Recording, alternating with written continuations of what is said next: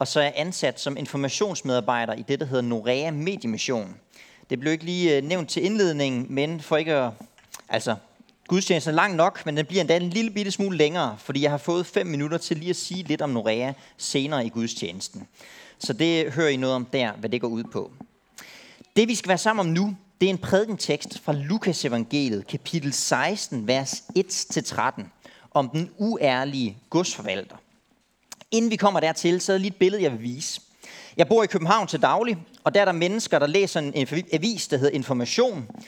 Øh, jeg ved ikke, hvor mange, der læser den i Silkeborg. Der er en, der læser Information her. Der er en. I hvert fald en. Og øh, der læste jeg på et tidspunkt en overskrift, hvor der stod sådan her. Selvom det ikke er økonomisk rentabelt, kan det være fornuftigt nok at redde planeten. Det er jo sådan lidt to forskellige perspektiver. Kan det svare sig? Fra en vinkel, så, så er det lidt for dyrt for den danske økonomi. Fra en anden vinkel kan det måske svare sig at redde planeten. Det er i hvert fald øh, lederen i informationsholdning. Den lignelse, vi skal være sammen om nu, handler et eller andet sted om det her spørgsmål. Hvad kan svare sig? Fra en vinkel, så kan det måske ikke svare sig at gøre noget. Men fra en anden vinkel, så kan det overhovedet ikke svare sig at lade være. Fordi der sker, risikoen for at lade være er alt for stor. Det er det, lignelsen handler om. Ved første øjekast, så kan man godt undre sig over, hvad den egentlig handler om, nemlig. Den handler om en uærlig godsforvalter, som gør noget, der i hvert fald er uærligt, og måske endda decideret kriminelt, og så får han ros. Så hvis man, har, hvis man kender lignelsen og har hørt den før, så tror jeg rigtig mange står op og tænker, er pointen, er pointen, at vi skal være mere uærlige? Er det det, Jesus gerne vil sige til os i dag? Og det er det ikke. Pointen det er det der. Pointen det er, at vi skal handle klogt ud fra de forudsætninger, vi har. Nu læser vi teksten. I Lukas evangeliet, kapitel 16, vers 1-13, står der. Jesus sagde også til disciplene, der var en rig mand, som havde en godsforvalter. Om ham fik han under hånden at vide, at han øslede hans ejendom bort. Så tilkaldte han forvalteren og spurgte, hvad er det, jeg hører om dig? Aflæg regnskab for din forvaltning, for du kan ikke længere være forvalter. Men forvalteren spurgte sig selv, hvad skal jeg gøre? Nu da min herre tager min stilling fra mig. Grave har jeg ikke kræfter til, tække skammer jeg mig ved. Nu ved jeg, hvad jeg vil gøre, for at folk skal tage imod mig i deres huse, når jeg bliver sat fra bestillingen. Han kaldte så sin herres skyldnere til sig, en for en, og spurgte den første, hvor meget skylder du, min herre? 100 anker olie, svarede han. Forvalteren sagde, her er dit gældsbevis, sæt dig straks ned og skriv 50. Derefter spurgte den anden, og du, hvor meget skylder du? 100 tønder hvede, svarede han. Til ham sagde forvalteren, her er dit gældsbevis, skriv 80. Og Herren roste den uærlige forvalter, fordi han havde handlet klogt. For denne verdens børn handler langt klogere over for deres egne, end lysets børn gør. Jeg siger jer, skaff jer venner ved hjælp af den uærlige mammon, for at de, når den slipper op, kan tage imod jer i de evige boliger. Den, der er tro i det små, er også tro i det store. Den, der er uærlig i det små, er også uærlig i det store. Hvis I altså ikke har været tro med uærlig mammon, hvem vil så betro jer noget, som er af sand værdi? Og hvis I ikke har været tro med andres ejendom, hvem vil så give jer noget af eje selv? Ingen slave kan tjene to herrer. Han enten hade den ene og elske den anden, eller holde sig til den ene og ringeagte den anden. I kan ikke tjene både Gud og mammon. Amen. Hvis man bare hører lignelsen første gang, måske også hvis man har hørt den før, men hvis man bare lige hører den første gang, så lyder det jo umiddelbart som om, at Jesus han siger, du skal være uærlig. Du skal handle økonomisk kriminelt, og det kan godt svare sig. Fordi i vers 8, så står der, at Herren, altså den her ejer i lignelsen, roste den uærlige forvalter, fordi han havde handlet klogt. Men her tror jeg, det er vigtigt at lægge mærke til, hvad er det, han roser? Han roser egentlig ikke hans økonomiske uærlighed. Det er ikke det, han roser. Det, han roser, det er, at han handler klogt. Det kan godt være, at han er en, en slyngel, men han er i det mindste ikke dum. Han er en slyngel, men han er ikke dum. Fordi han stod i en situation, hvor han risikerede, ikke nogen, at der ikke var nogen, der ville tage imod ham. Han havde ikke mulighed for at arbejde. Han tænkte, hvad skal der ske med mig? Og så gør han noget, som er overlagt kriminelt. Men ved at gøre det, så sikrer han sig en taknemmelighedsgæld. Pludselig så står der en masse mennesker rundt omkring ham, og de, øh, de skylder ham jo noget. De kan give ham en levevis. Og den her ejer, den her herre, han har ikke nogen mulighed for at finde ud af, hvad der er sket.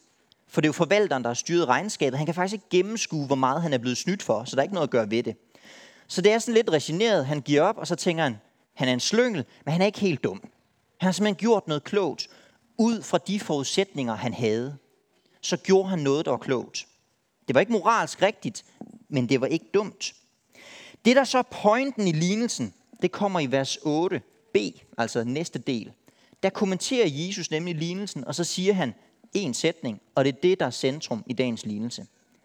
For denne verdens børn handler langt klogere over for deres egne, end lysets børn gør.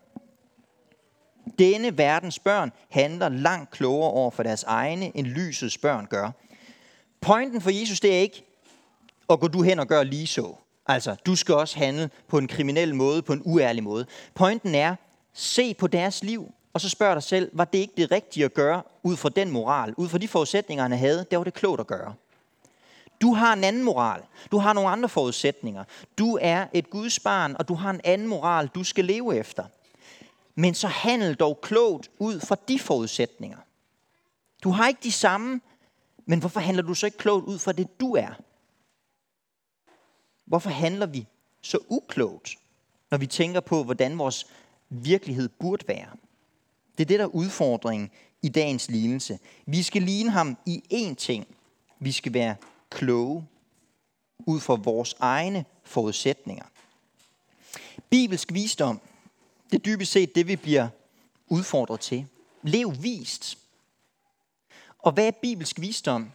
Det er jo at leve sit liv i overensstemmelse med den virkelighed, Gud har præsenteret dig for. Du lever som et Guds barn, der er købt fri, flyttet fra satans rige over i Guds elskede søns rige, og nu lever du et liv, hvor du skal leve med evigheden for øje. Ud fra de forudsætninger, hvordan skal du så leve dit liv klogt nu? Hvis du lever ligesom de andre, hvis du lever som om du kun har det her liv, og det der handler om i det her liv, det er at presse det maksimale ud af tilværelsen, så lever du netop ikke klogt, for så tror du, livet kun er 80, måske 90 år. Men det er det ikke. Det er evigt. Og ud fra de forudsætninger, så skal du leve klogt. Og der er nogen, der ringer til mig i gudstjenestetiden her. Det, øh, det er jo ikke helt godt.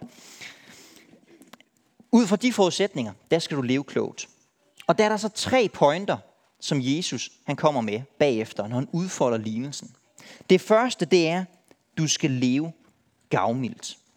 Du skal leve gavmildt ud fra de her forudsætninger. For det andet, så skal du være trofast i alt, hvad du gør. Ellers så har det konsekvenser for dit åndelige liv. Og for det tredje, så slutter han af med at sige, valget mellem Gud og mammon, det er et reelt valg, du står overfor i den her tilværelse. Det er de tre ting. Det første, du skal leve gavmildt. I vers 9, der siger Jesus, Jeg siger jer, skaf jer venner ved hjælp af den uærlige mammon, for at de, når den slipper op, kan tage imod jer i de evige boliger. Skaf jer venner ved hjælp af den uærlige mammon. Pointen er ikke, at penge er noget uærligt stas. Altså penge er noget skidt. Det er ikke det, der er pointen. Pointen er, at penge har noget ved sig, som kan være skidt. Det kan være farligt, og det kan bruges forkert. Men du kan også bruge det her, der kan være farligt, til noget godt. Du kan skaffe dig venner. Og det Jesus siger, det er jo ikke skafter venner i den her verden, men han siger, skafter venner, som kan tage imod dig i de evige boliger. Dybest set, brug dine økonomiske midler på en sådan måde, at flest muligt får gavn af det. Jeg gik øh, i gymnasiet i, i Silkeborg, på Silkeborg Gymnasium, og der havde jeg en klassekammerat, som jeg talte en del med om forskellige ting. Og på et tidspunkt, så spurgte jeg ham, hvad er det, du synes, der giver dit liv mening? Du tror ikke på Jesus, men, men hvad er det så, du synes, der giver dit liv mening? Og så sagde han, for mig, der handler det om at give den maks gas, nyde livet, og så skal jeg bare have fyret det hele af, inden jeg går i graven. Det er jo sådan hans logik. Det hele skal være fyret af, inden jeg går i graven. Og det Jesus siger her, det er, det skal du også gøre. Du skal fyre det hele af, inden du går i graven. Men du skal ikke gøre det på dig selv. Og måske så er det først i graven, du får fyret det sidste af i en eller anden arv til Luthers mission. Men i hvert fald, så skal du fyre det hele af på noget andet end dig selv. Brug dine penge, brug dit liv gavmildt. Til gavn for mennesker omkring dig, til gavn for missionen. Det er dybest set det, der bliver sagt her. Sørg for, at der er nogle venner på den anden side, som måske blev dine venner i evighed, fordi du brugte dine penge på den måde. Fordi du levede gavmildt. Ofte når jeg taler med mennesker om givertjeneste og det at, at styre sin økonomi som kristen, så kommer det tit til at handle om sådan nogle spørgsmål som, hvor meget skal man give? Skal man give tiende? Hvor meget skal være spontant? Hvor meget skal være fast? Øh, og, og på mange måder, så tror jeg, at vi har en eller anden tanke om, hvis vi taler lidt om det, så giver vi hinanden sådan en gensidig absolution og tilgivelse og siger til hinanden, at vi gør det godt nok. Det er lidt det, vi, vi fisker efter de der samtaler. Og der kan være god grund til at tage snakkene, der kan være god grund til at overveje, hvordan man skal gøre det i, i praksis. Men det overser lidt det, der er pointen i det bibelske budskab. Lev gavmildt. Lev gavmildt.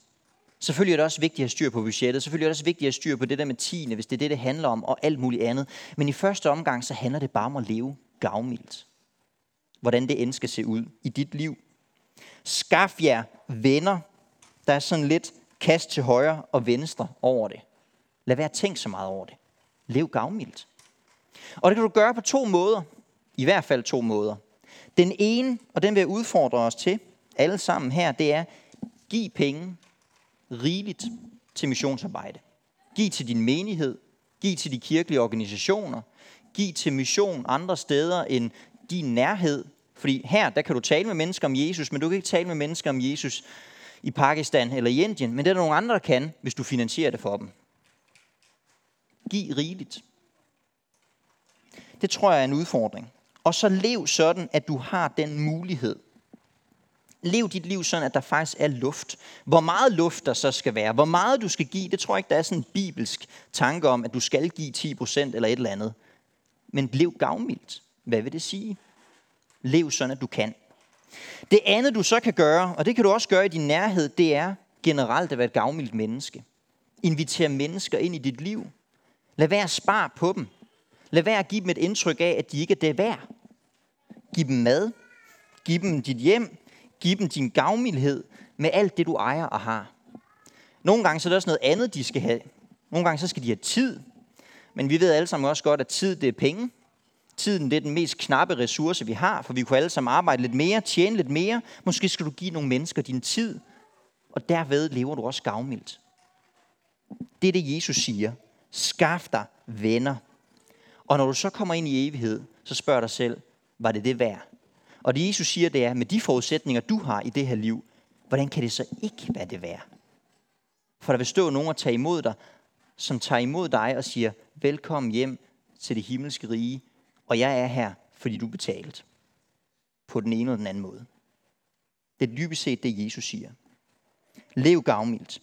Det andet, det er, du skal være trofast i alt, du gør. Også økonomisk. Jesus han fortsætter i vers 10 og 12, 10 til 12 med at sige, at den der tro i det små er også tro i det store. Den der uærlig i det små er også uærlig i det store. Hvis I altså ikke har været tro med uærlig mammon, hvem vil så betro jer noget, som er af sand værdi? Og hvis I ikke har været tro med andres ejendom, hvem vil så give jer noget at eje selv? Hvis man var i tvivl stadigvæk, om pointen er, at man skal være uærlig, så bliver det i hvert fald understreget nu. Pointen er ikke, du skal være uærlig. Pointen er ikke, du skal handle kriminelt med pengene. Du skal faktisk være tro med det, du har fået givet. Og så har vi alle sammen fået givet noget forskelligt. Men vi er alle sammen, uanset hvad vores rolle er, uanset hvor mange penge vi har, uanset hvad vores job er, uanset hvordan vores livssituation er, så er du kaldet til at være forvalter af noget, Gud har givet dig i den her verden. Og i det forvalterskab, der skal du være tro. Og så gør Jesus noget her han trækker nemlig et eksempel fra det små til det store. Og så siger han, du skal være opmærksom på, hvordan du tror i det små. For den måde, du handler på i det små, det afspejler, hvordan du dybest set er i det store. Hvis du er uærlig i det små, så ender det med at få konsekvenser i de store. Dybest set åndelige konsekvenser. Man kan ikke over tid leve et liv, hvor man er uærlig med økonomiske midler, ved at stjæle lidt fra sit arbejde, ved at gøre ting, som du egentlig ikke må, eller noget så banalt som at snyde til en eksamen, som sikrer mig et lidt bedre karaktersnit, så jeg måske klarer mig bedre på arbejdsmarkedet, eller et eller andet, som i første omgang virker lidt uskyldigt. Over tid i det små, så får det konsekvenser i det store. Også åndelige konsekvenser. Og så sker der også noget andet. Hvis du lever uærligt, økonomisk eller på anden vis, så får det også konsekvenser for dit vidnesbyrd om Jesus.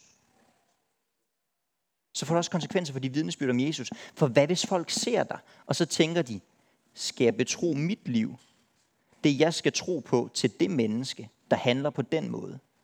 Et uærligt menneske. Det får konsekvenser. Retorisk så spørger Jesus, hvis folk kan se, at du lever uærligt med penge, hvorfor skulle de så satse noget, der er meget vigtigere end deres penge på dig? Hvis du ikke engang kan være tro og ærlig i det, hvorfor skal de så satse deres liv, deres evighed på dig? Det er altså konsekvenser.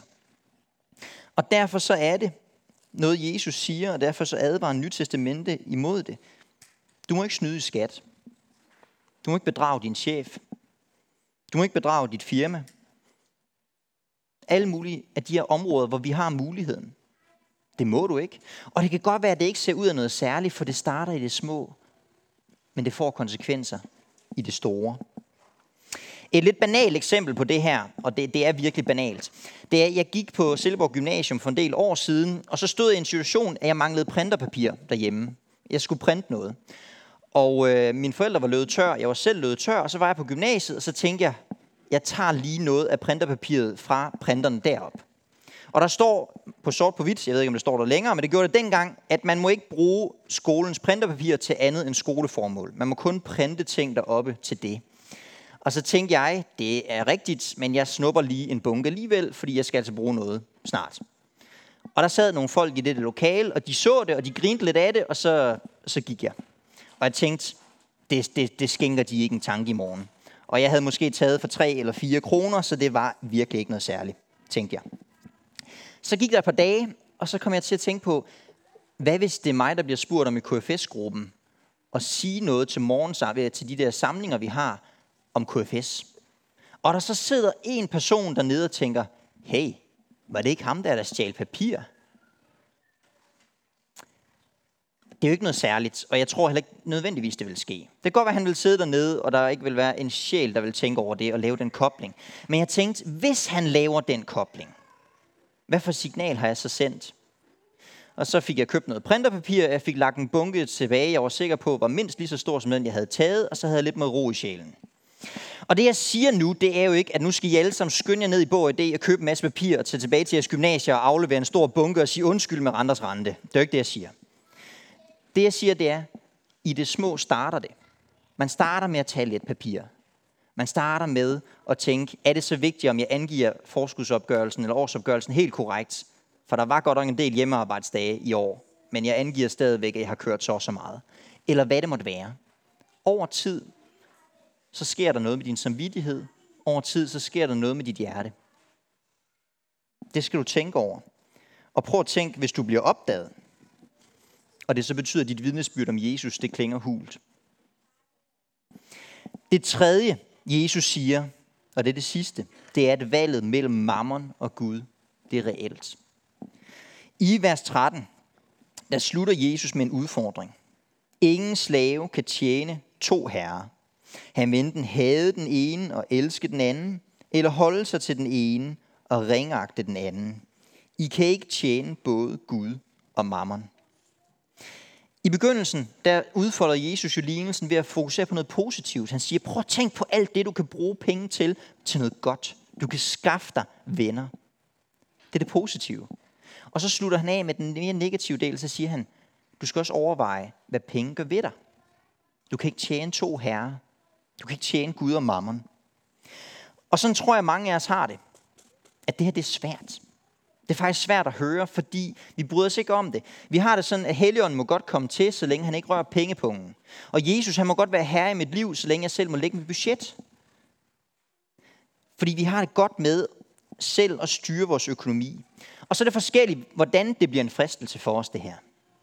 For nogen, der tror jeg, det kan være en fristelse, det der med charmen. Altså, jeg har penge, jeg lever i et velstående land, jeg kan tage på ferie, jeg kan bruge penge, jeg kan købe en tøj, jeg kan leve mit liv præcis, som jeg vil, dybest set. Og for andre så er det måske mere den der sikkerhedsfornemmelse. Hvad nu, hvis renten stiger om to år? Jeg må hellere sørge for at have nok på kontoen. Og så lever man sit liv sådan lidt mere på den lidt sådan langsigtede bane, hvor man sørger for at tænke meget sikkert. Men uanset om det, der er fristelsen for dig, det er at bruge løs i dine penge og nyde det her liv til det maksimale, eller om du sørger for, at jeg skal i hvert fald være 2 millioner på kontoen, når jeg dør til mine børn, og det andet, jeg måske tænker, der skal gå noget til. Men jeg skal sørge for hele tiden at have sikkerhed for det, jeg har. Uanset om det er det ene eller den anden måde, der er fristelsen for dig, så er udfordringen, hvad er det, dit hjerte hæger ved? Hvordan er det, du lever dit liv? Hvordan burde du leve dit liv med evigheden for øje? Og jeg giver ikke noget svar på det her. Det gør jeg ikke, for jeg tror, der er meget, meget forskellige måder, vi skal gøre det på. Jeg tror også, det er forskelligt, hvordan Jesus kalder den enkelte af os. Og du har sådan et ansvar over for din familie, for at have en ordentlig økonomi osv. Selvfølgelig har du det. Men Nytestamentet er altså væsentligt mere barsk, end vi er, når vi skal tale om penge. Jeg på et tidspunkt lavede sådan en undersøgelse i et øh, bibelprogram, hvor jeg søgte på forskellige ord, og så fandt jeg ud af, at der er tre ting, Nytestamentet advarer meget mod. Det ene, det er utugt. Det andet, det er selvretfærdighed. Og det tredje, det er penge. Penge fylder faktisk rigtig meget i det nye testamente. For at nævne tre eksempler. Tre vers. I bjergprædikenen, der siger Jesus det, som nok er det mest kendte vers, vi kommer til nu. I vers, kapitel 6, vers 19-21. Saml jer ikke skatte på jorden, hvor møl og rust fortager, og hvor tyve bryder ind og stjæler. Men saml jer skatte i himlen, hvor hverken møl eller rust fortager, og hvor tyve ikke bryder ind og stjæler. For hvor din skat er, der vil også dit hjerte være. Og i Efeserbrevet kapitel 4, vers 28, der siger Paulus noget, som nærmest kunne være en kommentar til den her lignelse. Han siger, at den, der stjæler, må ikke mere stjæle, men skal tværtimod slide i det og selv frembringe noget godt med sine hænder. Så han har noget at give af til den, der har behov for det. Du skal ikke stjæle. Hvorfor skal du ikke stjæle? Det skal du gøre for, så har du noget at give af. Og i 1. Timotius brev, kapitel 6, vers 6-10, der kommer der nok de mest barske vers. Der siger Paulus sådan her.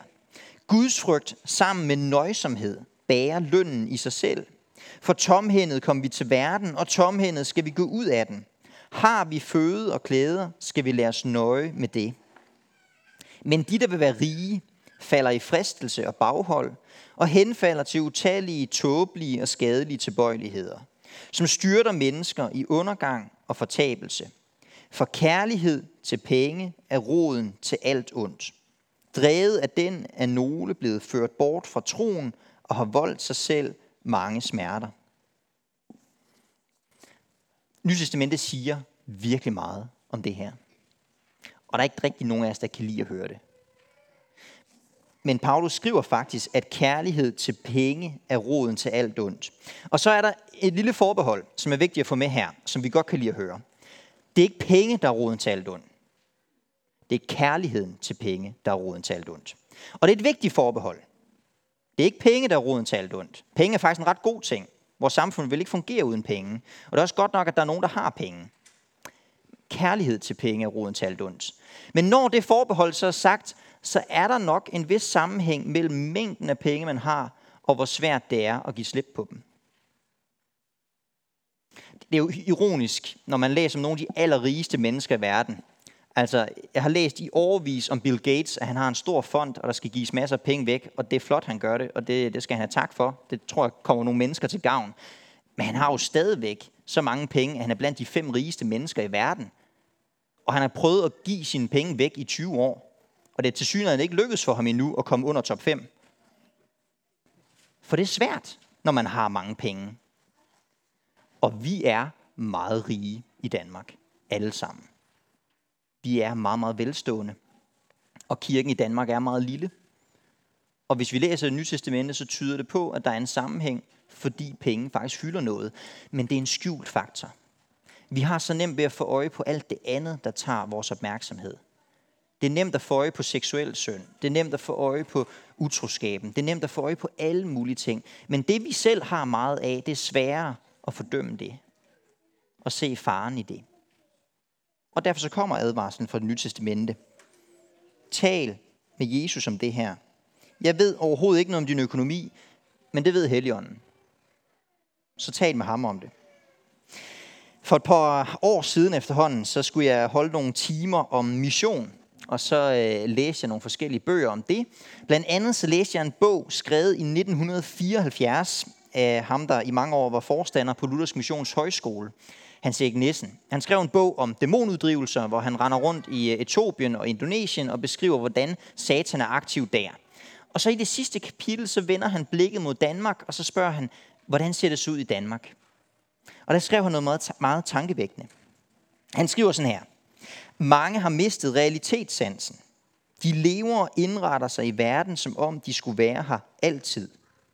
Og de ser ikke i øjnene, at de kun råder over en begrænset tid og et vist mål af kræfter og penge. Før de ved af det, er den dag inden, hvor de skal aflægge regnskab for deres forvaltning. Der har kun det værdi, som har evighedsværdi. Og alt det, som har været rettet mod opfyldelsen af, af mål i den her verden, skal forgå. Satan skjuler den kendskærning for dig, for at forhindre, at du helhjertet bliver Guds medstrider. Det ser han sin fordel i, men Guds rige lider skade. Fordi syndere kun kan løsnes af satans jerngreb ved ordet om Jesus. Den her bog skal slutte med en opfordring til ikke at lade dig præge af den verden, som omgiver dig, og som er behersket af satan. Gør de kristne det, er det forbi med al missionsindsats. De bliver optaget af sig selv, deres egen lille verden, og jager efter en tilfredsstillelse, som de aldrig vil opnå. Det skrev han i 1974, og jeg tror, det er godt nok at gentage i dag.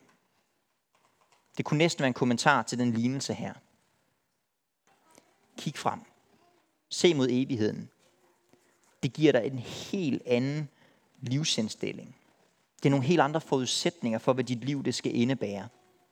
Og når du ved det, holder blikket fast knyttet på det, hvordan skal du så leve? Og det ved jeg ikke noget om.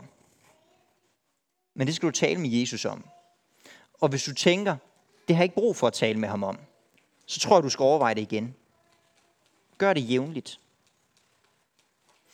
Og så vil jeg slutte af med noget, som er vigtigt at få på plads her. Det er, rigdom, det er en faktor i vores verden. Og den måde, vi måler rigdom i, det kan være forskellige måder at gøre det på, men den mest almindelige, det er penge. Men det Jesus siger i den her lignelse, det er, du er faktisk rig. Og det har ikke noget at gøre med, hvor meget der står på din konto. Det har ikke noget at gøre med, hvor godt et realkreditlån du fik, eller hvor meget gæld du har. Du er rig, fordi du tilhører Jesus.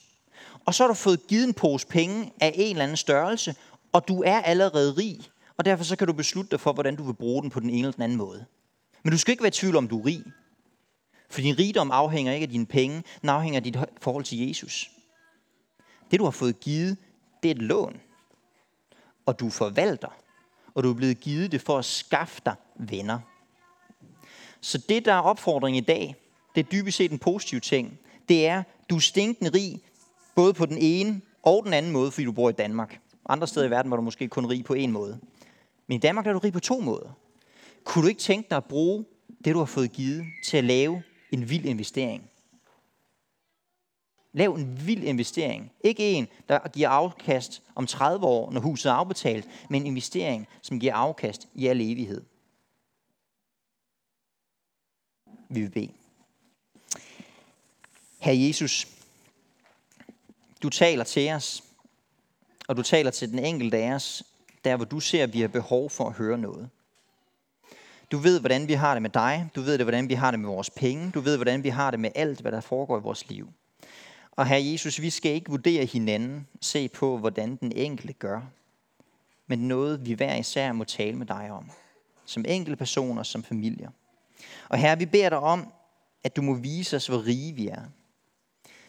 Vil du befri os fra de besnærende bånd, som binder os, hvor vi tror, at den her verden er alt, hvad vi har.